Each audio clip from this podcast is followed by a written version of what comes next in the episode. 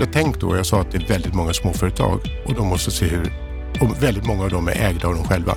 De måste se hur ska de få pengar i kassan och då kan det uppstå felaktigheter som du kallar fusk och, och det är ju fusk kan man säga, eller det, det är inte riktigt, det är inte transparent. Ja, det finns ett eh, problem i branschen med bakbonusar, att kalkylerna inte går ihop, att timarvodena är för låga och då blir det ett omfattande fusk.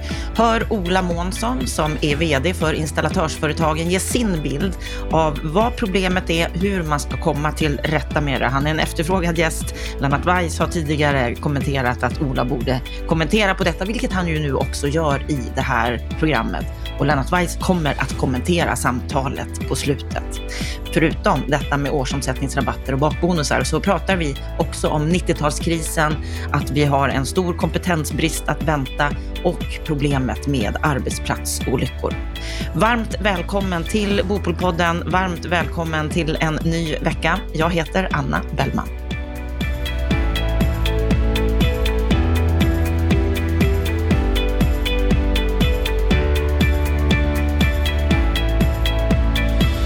I sju år har han varit ansvarig för installatörsföretagen. Vad är deras roll? Hur ser han på marknaden idag? Och hur ser han på årsomsättningsrabatter och bakbonusar?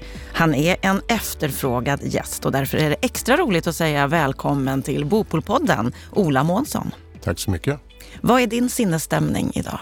Nej, jag tycker det är roligt att komma hit och, och svara på de här frågorna som ni vill ha svar på.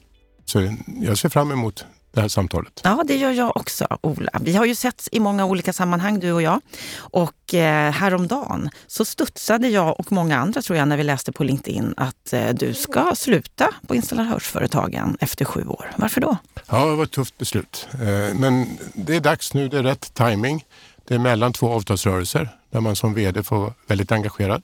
Och vi har lagt eh, upp en väldigt långsiktig målsättning för installatörsföretagen. Så det bästa läget för någon att ta över det här roliga jobbet är nu. Och egentligen därför kände jag att nu tar jag och slutar som linjechef i branschen. Ja, vad ska du göra istället?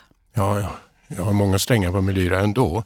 Så att eh, dels kommer jag fortsätta jobba i branschen och nu har jag varit mycket involverad i hela energieffektiviseringsfrågorna etc. Och jag är engagerad i bostadspolitiken, typ via Bofrämjandet engagerad.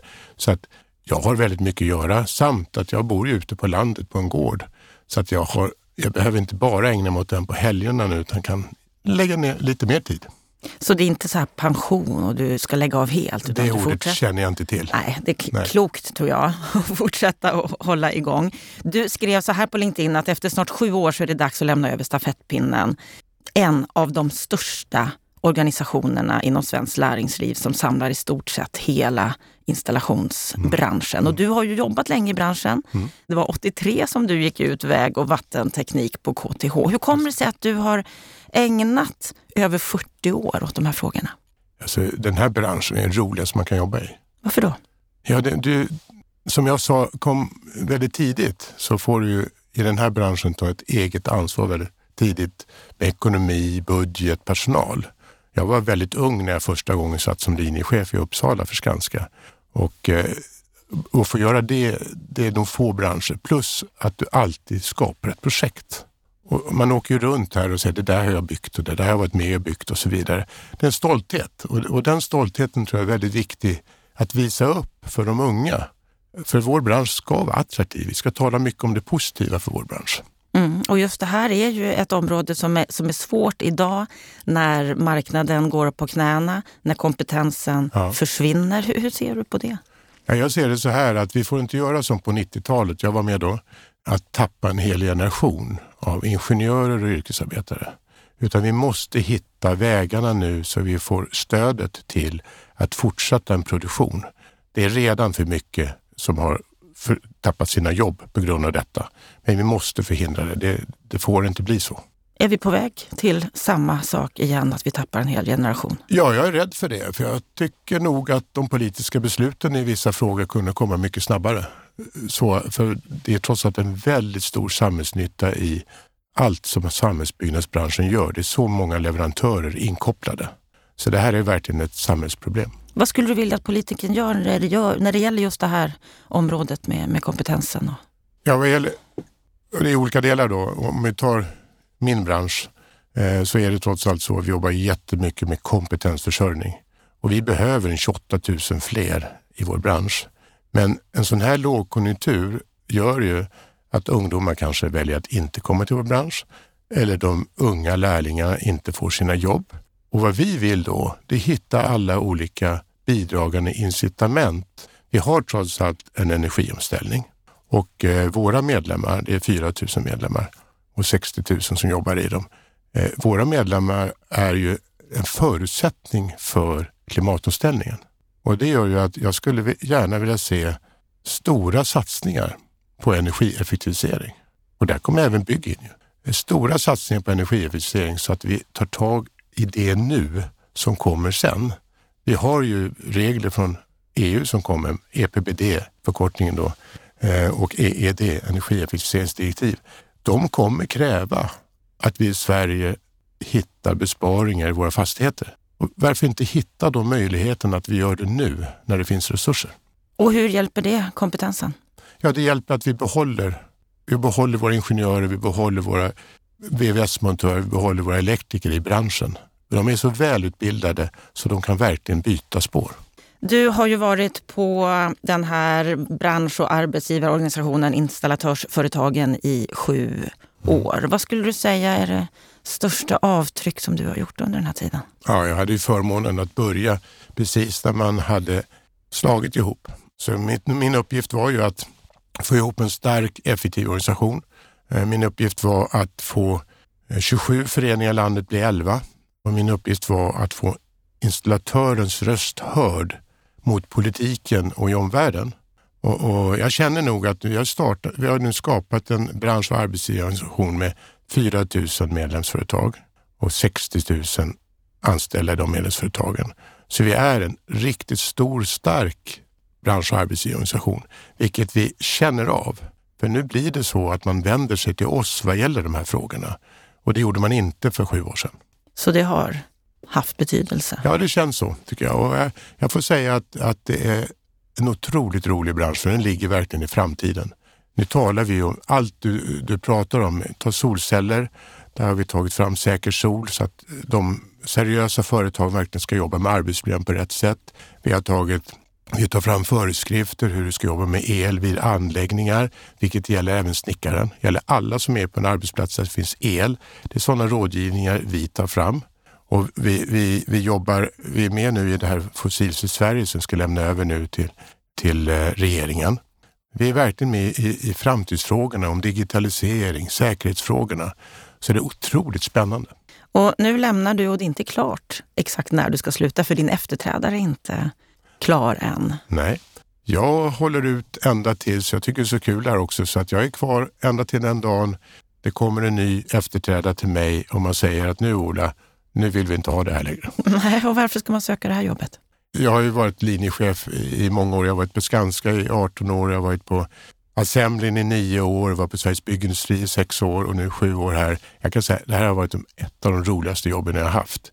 Just för att det är en sån framtidsbransch. Alltså, den är attraktivt att jobba i den oavsett du är elektriker, VVS-montör eller ingenjör. Det, det är verkligen framtiden.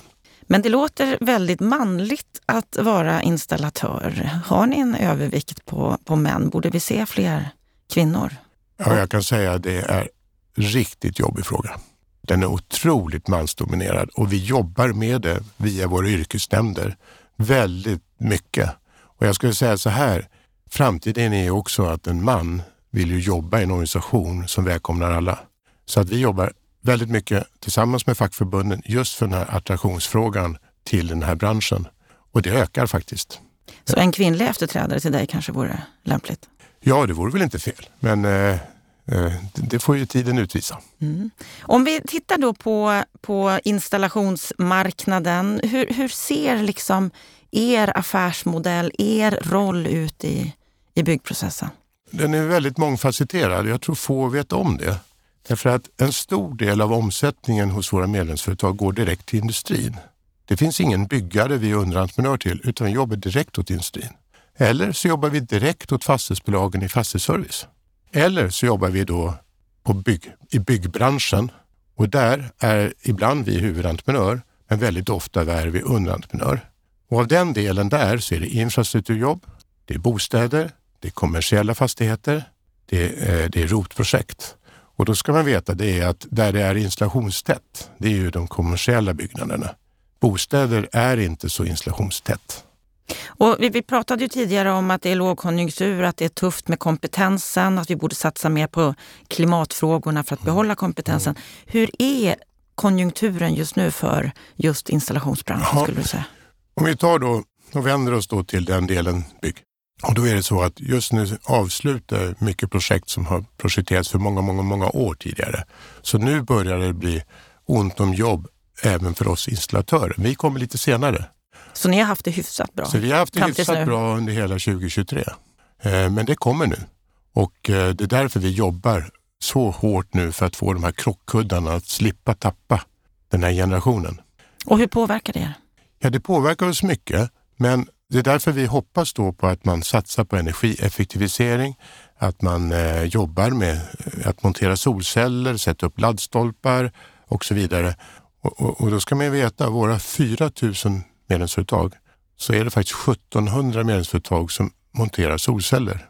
Och en vardag för ett installationsföretag, det är ju, det kan vara en fastighetsservice, det kan vara privatperson, det kan vara nybyggnad bostäder, det kan vara att vara i en kommersiell fastighet, det kan vara ROT. Alltså det är så mångfacetterat och det är så otroligt många småjobb man gör hela tiden i ett installationsföretag. Och som du säger, konjunkturen påverkar er senare än den påverkar byggbranschen i övrigt. Det har ju varit ett katastrofår för Precis. väldigt, ja. väldigt många.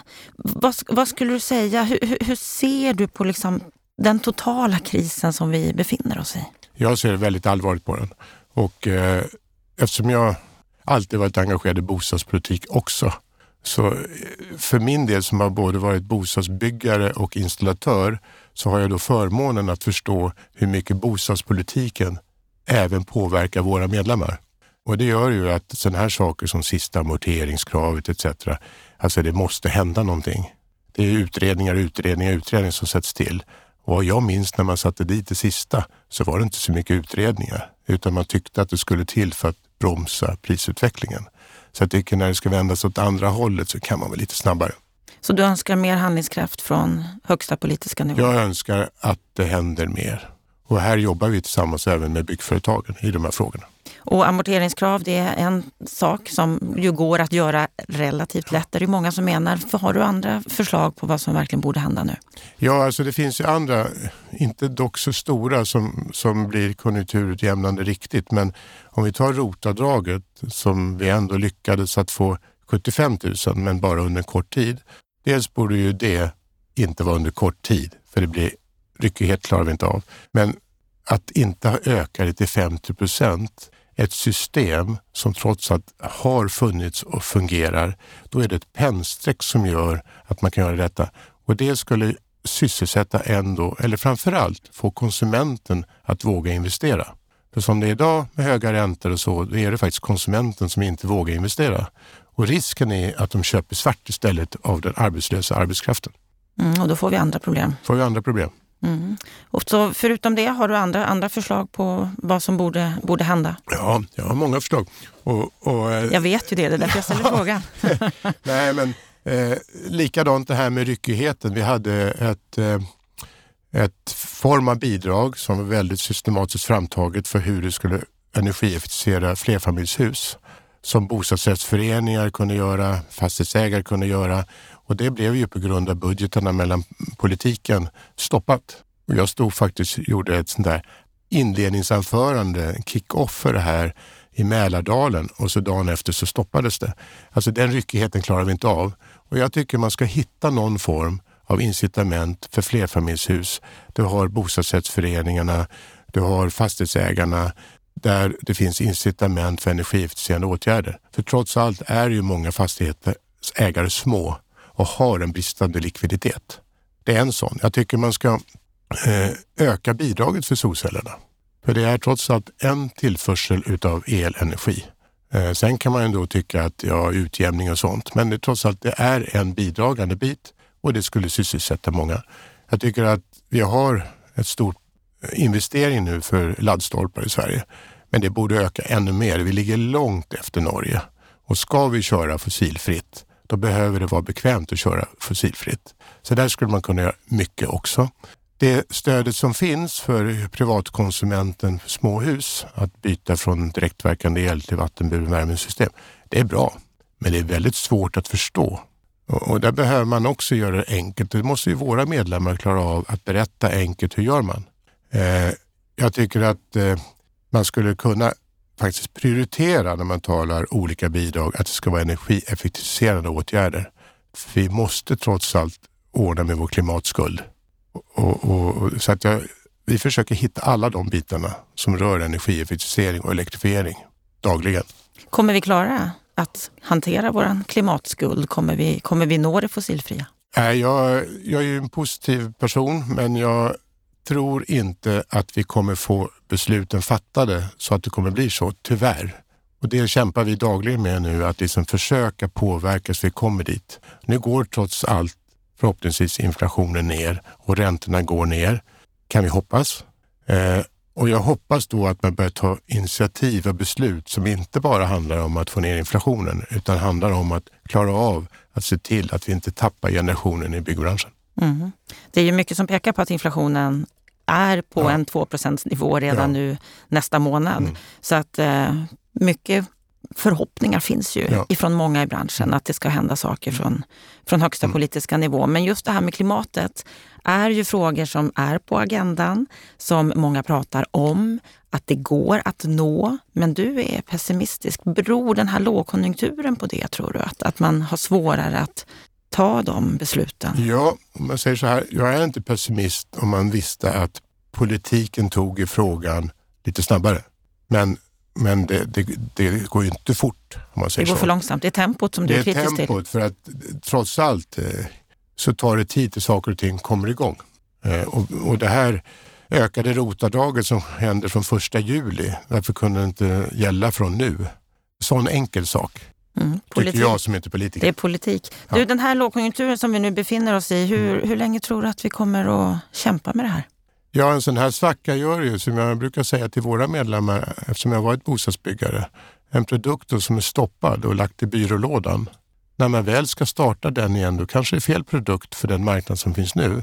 Och då måste man ju börja om och projektera och detaljplanera och få bygglov och så vidare. Det är, det är en mjukvara som tar några år.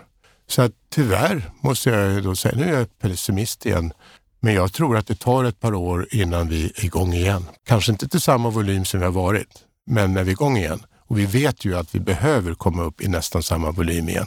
Mm, behoven finns ju. Behoven Boverket finns. är ju tydligt när det gäller hur många bostäder vi behöver bygga. Ja, och, Svårt att komma upp dit, till 67 000. Och ett tillägg till det, det är nu om vi kommer med i Nato, vi har fabri, batterifabriker, vi har en försvarsindustri. Alltså det kommer komma ett helt annat behov av bostäder. Och, och, vi vet ju redan att den här snabba exploateringen av bostäder med baracker och sånt uppe i Skellefteå etc. Det är ju inte bra, utan vi bygga, måste bygga samhälle. Så jag tror att det finns en otrolig drivkraft i det också som kommer. Och just här, den här frågan är ju intressant och väldigt aktuell. Mm. Och när, när vi ska klara av klimatomställningen så, så är ju just den här gröna klimatomställningen i norr, det industriskiftet vi mm. ser där, är ju väldigt mm. betydelsefull. Hur mycket påverkar att vi inte klarar av att bygga de här bostäderna? Ja, det påverkar ju hela Sveriges attraktionskraft, om man säger så. Det är ju det första. Och eh, jag tror däremot att det kommer vara en drivkraft till att vi måste sätta igång. Mm, vi får hoppas mm. att, att det blir så. Jag är optimist. Det finns de som menar att den här lågkonjunkturen som vi befinner oss i, där är branschen själva ansvariga för att kalkylerna i mångt och mycket inte går ihop. Vi hade en poddgäst här för några veckor sedan, Nima Asadi, där vi pratade om att fusket är omfattande, systematiskt och taktiskt när det gäller att nio av tio företag i byggbranschen får rabatter som de väljer att inte redovisa för sina kunder. Hur ser du på det här påståendet som Nima Asadi sa i podden för några veckor sedan? Ja, de där nio av tio, det var ju inte Nima, utan det var ju snarare då rapporten som säger, och den har vi läst och vi har träffat Konkurrensverket. Och eh, hur man tolkar i den, är, allt är inte helt riktigt, men vi har berättat precis hur man gör nu, hur vår affär ser ut. Och då ska jag säga så här, allt vad gäller när vi talar, talar i den om fusk och bakbonus och kickbacks, ja det är ju helt fel. Det ska vara rätt pris. Men däremot så finns det en annan del som på det sättet vi jobbar, att du efter årets slut har skapat en volym och överträffat den volym du har lovat din leverantör. Då finns det en volymrabatt och den är helt rätt för den kommer kunden till del. Mm. Vi hade ju den här poddintervjun där Lennart Weiss kommenterade efteråt och han sa ju vid ett par tillfällen att han önskade att du skulle komma ja. till podden och, och berätta din syn på det här. Och, och då måste vi verkligen gå till botten med det. Vi pratar ju nu då om årsomsättningsrabatter som du säger är okej. Okay. Mm. Varför är de okej? Okay? Jo, alltså de, de, de, det bygger ju på, och det är det här Lennart vill att jag säkert att jag ska berätta, hur ser vår affär ut? Då är det så att varje medlem vi har har enormt många små projekt och till väldigt olika saker. Det kan vara privatkonsumenten som ska ha en kran på service. Det kan vara fastighetsbolaget där vi renoverar små lägenheter och så vidare. Det kan vara ett rotprojekt, det kan vara bostäder, det kan vara solceller, det kan vara laddstolpar inom samma enhet. Och vad man gör är ju att man tar och köper en volym av en grossist eller utav en materialleverantör direkt för det här året. Och då kan man inte lova hur mycket det blir. Men man försöker pressa priset så mycket man bara kan. Alltså då kan man veta att vi köper vårt eget material. Vi har inte underentreprenörer, mer än högst på sin höjd en isolerfirma och en ställningsfirma. Allt annat köper vi själva. Så vi har vi pratade om decentraliserade och centraliserade köp här också i förra programmet. Och här kan man säga att det är ett centraliserat köp i de här företagen för de pressar priset för en viss materialslag. Vi säger en kran, ska ha visst fabrikat. Ja, då bygger ju det på att man kan sälja in det fabrikatet till alla sina kunder under året. Men så är det en, en bostadsbyggare som ska ha ett annat fabrikat, då bryts den kedjan. Eller det blir lågkonjunktur. Och det gör att när året är slut, då har du kanske kommit till den volymen, då är det samma pris. Eller så har du överträffat volymen, jag pratar väldigt generellt, då får du en bonus för att du har gjort ett ännu bättre år. Och den bonusen, nästa år pressar man den leverantören ännu mer. Och då på det sättet så innebär det att det tillfaller faktiskt konsumenten eller den som köper.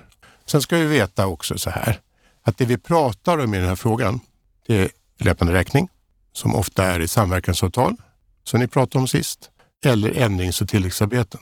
En väldigt liten del av våra medlemmars marknad är det här. Den största delen är fasta priser och då är det inget problem. För då finns inte de här finns rabatterna, årsomsättningsrabatterna. Nej. Nej. och det här är ju, när jag lyssnar på dig och när jag hör Nima, då är ju det här transparent. Ja. Så att det är inga konstigheter med de här Nej. delarna. Det Nej. som det är konstigt med, det är det som man kallar för bakbonusar. Ja. Det innebär att man får tillbaka pengar i efterhand och en rabatt som inte syns mm. på några fakturer. Mm. Och här kan det ju handla om 90 90-procentiga rabatter. Vi hade ju ett exempel i podden med Nima att för ett och samma rör så kan priset skilja på allt ifrån 181 kronor till 1895 kronor. Mm. En enorm skillnad. Bakbonusar, vad säger du om det? Ja, bakbonusar eller kickbacks eller vad man vill kalla det, det säger jag, det är helt fel. Och, och eh, när jag säger det så tar jag liksom bort frågeställningen. Därför att den där Konkurrensverkets rapport den bygger på intervjuer från branschen. Och tyvärr finns det skäl varför det finns. Men vi som organisation utbildar våra medlemmar i de här frågorna. Och vi, alltså principiellt sett så är bakbonus eller kickbacks helt felaktigt i ett löpande räkningsprojekt. Så. Men det är nio av tio företag som ägnar sig åt detta. Vad gör ni på mm. installatörsföretagen för att komma till rätta med ja, det här? Det är nio av tio, hela byggbranschen till och med ska vi lägga till. Där vi är en del. Och vi tar vårt ansvar på det sättet att vi utbildar våra medlemsföretag. Det är en utbildning som heter lönsamt företagande där man jobbar med hur man gör kalkylen och allt möjligt. Självklart under konkurrensbitar så. Men, men eh, så vi utbildar företag, våra småföretag, alltså 90 procent av våra företag är under 20 anställda och väl, vi har många enmansföretag som blir stora. Så vi utbildar våra medlemsföretag i vad en sund konkurrensfrågor och så vidare. Hur ska du bete dig när du lämnar anbud och så vidare. Så vi utbildar våra medlemsföretag i hur man ska göra rätt. Borde ni göra något mer med tanke på att det är så omfattande? Ja, du säger det omfattande och, och det är tråkigt att höra därför att jag vet att våra medlemsföretag jobbar väldigt hårt med den här frågan. Och det finns en annan del och Nima var inne på hela kedjan. Och jag som varit med i 40 år här nu, jag måste säga att det finns en bristande tillit till de olika delarna i kedjan. Och vi måste jobba med den allihopa, att få en tillit till varandra i affären. Alla ska tjäna pengar. Vår affär, alltså våra medlemsföretag har kanske en marginal mellan 4 och 7 procent. Det är ju verkligen en lågmarginalbransch. Hur kan man vilja vara i den? Och det, vi, det ni inte pratade om i förra samtalet, ni pratade inte så mycket om nivån på timpriset. Ni pratade inte någonting om nivån på arvodet man ska sätta mot en installatör. Och, och då är det ju så här, det är två sidor av myntet. Den ena sidan är att man handlar upp från offentliga upphandlare till och med till priser på timarvodet som inte går ihop när man ska betala enligt kollektivavtal, man ska ha mer kläder och så vidare, utan väldigt låga priser. Å andra sidan av myntet blir då att man måste ta igen pengarna i materialet och, och, och då blir det fel. Så boven i dramat är att det är för låga timpriser och därför fuskas det? Det är en otroligt stor bov i dramat. Och, och betänk då, jag sa att det är väldigt många småföretag och de måste se hur, och väldigt många av dem är ägda av dem själva. De måste se hur ska de få pengar i kassan och då kan det uppstå felaktigheter som du kallar fusk och, och det är ju fusk kan man säga, eller det, det, är inte riktigt, det är inte transparent. Så hade man bara sett till att handla upp med stor tillit och förstå vilket arvode en installatör behöver och förstå vilket timpris man behöver, då är det självklart för en entreprenör att också se till att kunden får se rätt pris på materialet. Men för att komma dit, vad krävs då? Det krävs en, en dialog i branschen tycker jag, att man litar på varandra i hela kedjan. Eh, den dialogen saknar jag. Ja, och då kommer vi inte komma till rätta med problemet heller, för då kommer vi fortsätta ha för låga timpriser och så ja. kommer det fortsätta att fuskas. Ja, men det finns en, ett annat mycket enklare verktyg. Se till att handla upp din installatör på fast pris. Då har du inget problem. Sätt ett fast pris i konkurrens med andra så får du lägsta materialpriset du kan få. För då ser de helheten. Så du kan på sätt och vis hålla med om påståendet då att branschen själva är ansvariga för att kalkylerna i mångt och mycket inte går ihop idag? Då svarar jag nej på den frågan. Därför att de blir tvingade i en situation att se hur de ska få de där 3% på sista raden. Snarare. Så de blir tvingade till fusk? Ja, eh, och det, jag har till och med talat med medlemsföretag, jag träffar dem rätt ofta. Jag träffade ett litet medlemsföretag på en middag där de själva sitter och pratar öppet om det här och säger att de var tvungna att gå ur ett projekt på löpande räkning till en av våra stora offentliga beställare för timarvodet var så lågt att man kan inte vara en seriös entreprenör att ens jobba åt det. Och vi måste komma dit hän att alla som handlar upp, handlar upp med rätt förutsättningar. Vad säger du om Nima Sadis nya redskap som han har tagit fram, Kostcheck? Jag kan inte uttala mig om redskapet för jag har inte gått in och sett hur det, hur det fungerar så jag kan faktiskt inte uttala mig om det. Jag kan bara uttala mig utifrån att jag tycker Nimas resonemang var väldigt bra i många stycken. Så tillvida att han tog upp det här med att det här är en förändring som tar tid. Och i den förändringen så har vi som bransch och arbetsgivarorganisation för alla installatörer en väldigt stor uppgift att utbilda och träna våra medlemmar och förstå vilken roll vi ska ta. Kommer vi komma till rätta med det här tror du? Eller kommer det bara att ta tid och ligga någonstans där långt framme? Ja, jag, jag uppskattar att jag är hitbjuden för att prata om den här frågan. För jag tror att det är ganska unikt att vi någon gång får berätta hur vi jobbar. Och tack vare det då så kanske man får upp ögonen för hur ska affären se ut. Mm, så det här är ett led i att komma framåt? Det här är ett jättebra led. Och, och eh, Jag säger det då också att en, en till skillnad i vår affär är ju att, som jag sa förut, vi har våra projektledare, vi har våra montörer och vi har vårt material och kanske två direkt underställda undantenörer, ställning och isolering. Det är liksom det vi har. Så vårt arvode räknas bara på det. Medan vår kundbyggare, i, i det här fallet då, har, köper upp enormt många olika discipliner och räknar sitt arvode på alla dem. Och då gör det en väldig skillnad på antal kronor som kommer in i företaget. En annan fråga, Ola, som jag vill ta med dig nu när du äntligen är här. Det är ju en fråga som också är väldigt alarmerande och viktig för branschen, nämligen arbetsplatsolyckorna som ju bara ökar mm. och, och, det är ju så tragiskt, mm. det vi ser. Hur ser du på den här situationen som, som vi har och som ökar? Ja, först och främst eh, väldigt allvarligt och man tänker på de familjer som är, är påverkade av detta. Det här sista året var ju hemskt Eh, och eh, det, är ju, det var hela byggbranschen om man säger så. Eh, så det får inte förekomma. Jag har ägnat mycket tid åt arbetsmiljö under min tid, inte minst här och på byggföretagen. Och vi måste komma till rätta med det för att branschen ska vara attraktiv. Och då ser, men då blickar jag bakåt till oss själva och, och, vi följer upp våra, vår del av branschen, alltså installationer, där det blir andra olyckor. Det kan vara starkström etc. Elgenomföringar och så vidare. Skärsår från knivar när man jobbar. Och så. Men vi har tyvärr då under förra året en som har gått bort och det var starkström.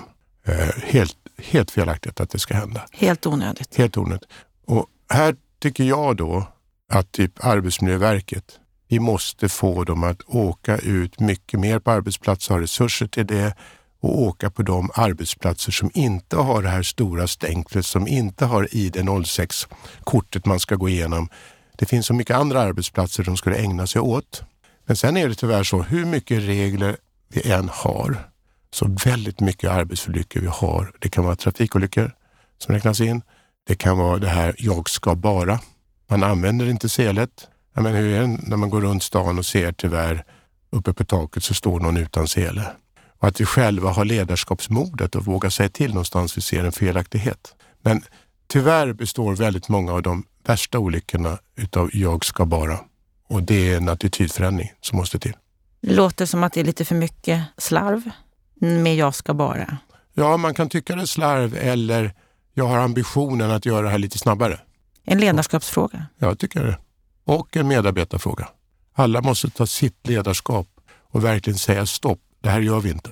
Tror du att den här ökningen av olyckor som vi såg under förra året, kan det leda till att vi nu kraftsamlar och faktiskt kommer till visionen att hålla nollan? Regeringen har ju börjat att prata om frågan nu. Mm. Jag tror att, jag, jag, sitter själv i styrelsen för Håll nollan också och eh, det är ju en jättebra del för där pratar hela branschen tillsammans och gör aktiviteter. Har arbetsmiljöpriset och så vidare. Jag tror att vi har kraftsamlat så mycket i många år, verkligen. Eh, och, och jag, jag, tror att snarare behöver vi jobba med det vi har. Jag tycker inte man behöver sätta upp fler regler utan att följa de regler vi har träna sina medarbetare, se till att de har rätt utrustning, se till att de har rätt mod att säga ifrån om det är någonting som är fel. Jag tror det är mycket viktigt att jobba med ledarskapet och attityden i alla företag. Och egentligen kan man säga att det går igen i allt vi har pratat om idag. Modet, att våga stå för det som är rätt och riktigt. Att, mm. att jobba med ledarskapet, mm. både när det gäller klimatomställning mm. och attraktionen av kompetens till branschen. Precis. Att inte fuska med bakbonusar och så att lyckas med våra arbetsplatsolyckor. Mm. Det är helt riktigt. Ja, jag tycker att det här var en, ett givande samtal, Ola. Jag är väldigt mm. glad att du kom och besökte mm. oss i Bopolpodden. Ja, och som jag säger, jag tycker det är ett otroligt viktigt steg att ni tar in oss installatörer och pratar om vår affär. För vi vill inget annat än leverera en bra produkt till rätt pris. Och vi vill inget annat än sänka hela marknadens priser på bostadsbyggande etc. Det är det man måste tänka på. Då ska vi göra det. Tack Ola för att du kom. Tack själv.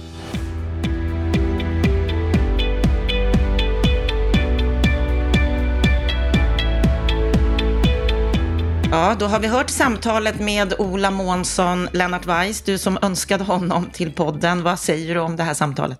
Ja, i den delen som rör bonusar kopplat till installationsbranschen så tror jag vi kan sammanfatta det med att det, det, är nog nödvändigt att diskussionen fortsätter. Jag tycker att både Nima och Ola har gett ett bra intryck som försöker bena i de här två sakerna. Och jag har ju lyssnat på båda samtalen och kan väl säga att trots att jag är i branschen och har varit i den länge så är det inte alldeles lätt att bena ut alla detaljer. Vi kan väl göra ett försök alldeles strax här. Förutom det så pratar ni om två andra saker. Ni pratar också om 90-talskrisen och arbetsplatsolyckor och om jag bara får göra två korta kommentarer om det. Först 90-talskrisen så delar jag ju helt Olas uppfattning om att det är väldigt allvarligt med den kompetensflykt eller det, så säga, de kompetensförluster vi drabbas av nu till följd av konkursvågen, de massiva uppsägningarna som, som vi har. Det drabbar ju utifrån den modell som vi har på arbetsmarknaden så drabbar den ju typiskt sett de yngre. Och det är riktigt som Ola säger att på 90-talet så förlorade vi en generation. Där kan jag vara lite förvånad över att inte branschen har lyft tanken om permitteringsstöd av den typen som industrin har både ropat på och initierat själva i samband med kriser inom industrin. Scania gick ju i bräschen för det för ett antal år sedan kanske du minns. Det skulle kunna vara ett stöd för företagen att behålla kompetens och utbilda dem på en del utav tiden istället för att man avskedar dem. Det är märkligt att inte det lyfts i debatten. Så den kan vi väl låta vara hängande så får vi se vad den kan tänkas ta vägen. Ja, för det är ju en allvarlig grej att det är så många kompetenta personer som försvinner nu.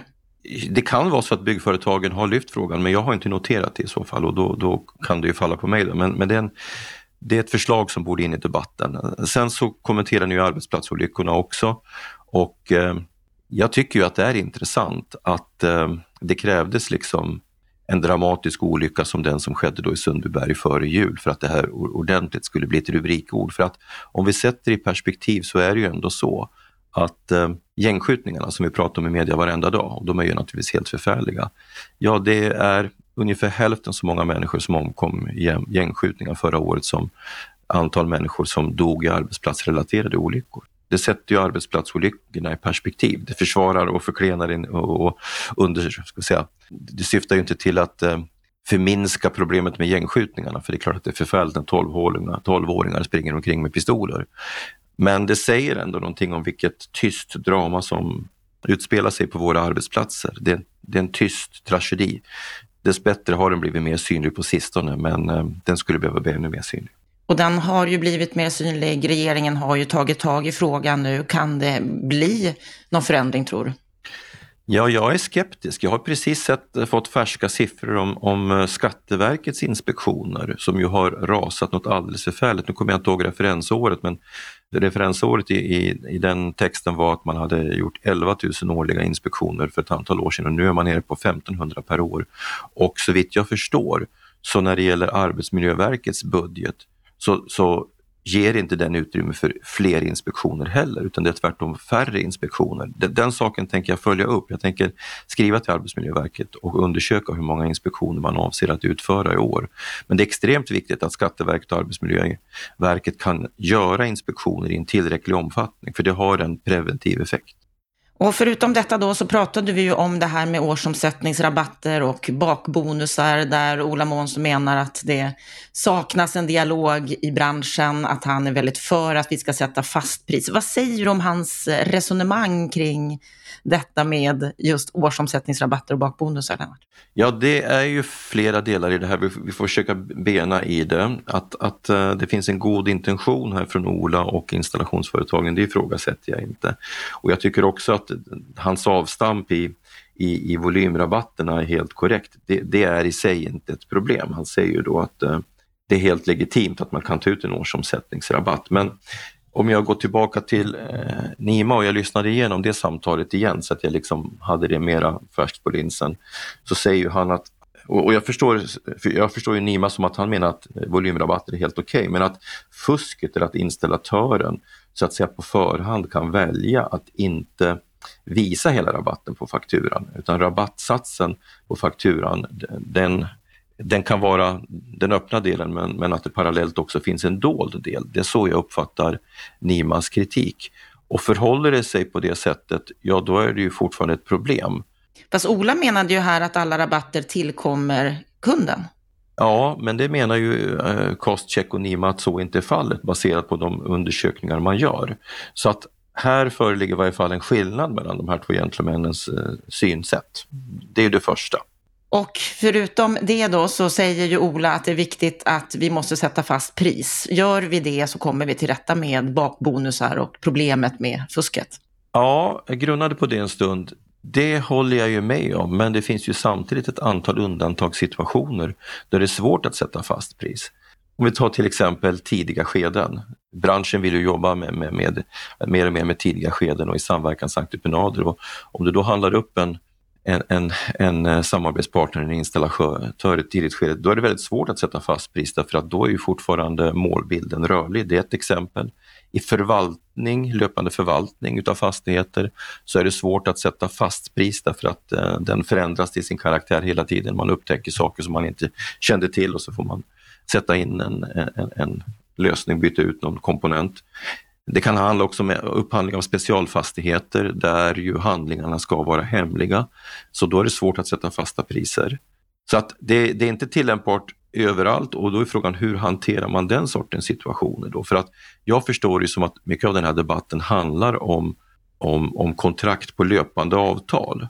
Som körs, alltså, kontrakt som körs på löpande räkning och, och där man då jobbar med ändrings och tilläggsarbeten och tilläggsbetalningar. Där tillämpas väl alldeles uppenbart kickbacks och eh, det skapar bekymmer eftersom man då inte upplever att prissättningen från installationssidan är helt transparent. Och hur ser du på det han menar här att det stora problemet det handlar om att timarvodet, timpengen är för låg? Att det är där vi har den stora pucken? Det är en väldigt intressant infallsvinkel. Ehm, och han pekar ju på att det är en lågmarginalsbransch med, med, med 4-7 procents vinstmarginal på sista raden. Ja, först vill jag ju bara påpeka att den del av branschen som jag tillhör, entreprenadbranschen, där är ju marginalerna 2-3 procent, i bästa fall 4 procent. Alla bolag vill uppnå 5 procent, men det är väldigt ovanligt. Så att våra vinstmarginaler är ju hälften mot installatörernas. Det är ett första påpekande jag ändå tycker man kan få göra. Sen för han ju också ett resonemang då som du säger om att timpriset är för lågt. Det där tycker jag är en väldigt intressant punkt. Som du vet så jobbar jag ju då, då med byggmarknadsrelaterad kriminalitet Då. vi har haft ganska många case senaste två åren på installationssidan. Då har det varit företag från, från Baltikum där vi då upptäcker fusk i stor skala. Det hade varit bra tycker jag om installationsbranschen hade varit tydlig på vad som är det korrekta timpriset sett bara på arbetet för då hade vi haft en referenspunkt. Vi har ju själva problem med att liksom utröna vad som är det korrekta priset när vi, när vi jobbar med de här företagen och blandar du sen in materialdelen i det hela som en rörlig komponent, då blir det ännu rörigare. Så det vore ju väldigt bra om så att säga installatören tog betalt för sitt arbete och materialet låg utanför och, och de här två sakerna var, mer, var, var enklare att bedöma än vad de är idag. Ja, vad säger du? Hur, hur ska vi komma till rätta med det här? Vad är din sammanfattande åsikt? Min sammanfattande åsikt är att det är väldigt bra att diskussionen finns. Jag tycker att det var väldigt bra att Ola ställde upp i det här samtalet och benade ut det hela från installationsföretagens sida utan att göra anspråk på att vara någon sorts eh, facit eller domare i det här så, så, så, upplever jag själv att det finns ett behov av att fortsätta diskussionen och gärna i öppna sammanhang. Och Jag tror att det också vore bra för den konflikt som nu finns mellan byggherrarna som organisation och installationsföretagen. Där finns ju just nu en konflikt om ett nytt avtal där man eh, står väldigt långt ifrån varandra så vitt jag förstår. Och eh, för att så att säga skrinlägga den typen av konflikter så tror jag att debatten behöver fortsätta och Eh, det är angeläget att olika parter här är transparenta. Skulle också gärna vilja se Nima och Ola på en scen under längre tid där man samtalade om de här sakerna tillsammans.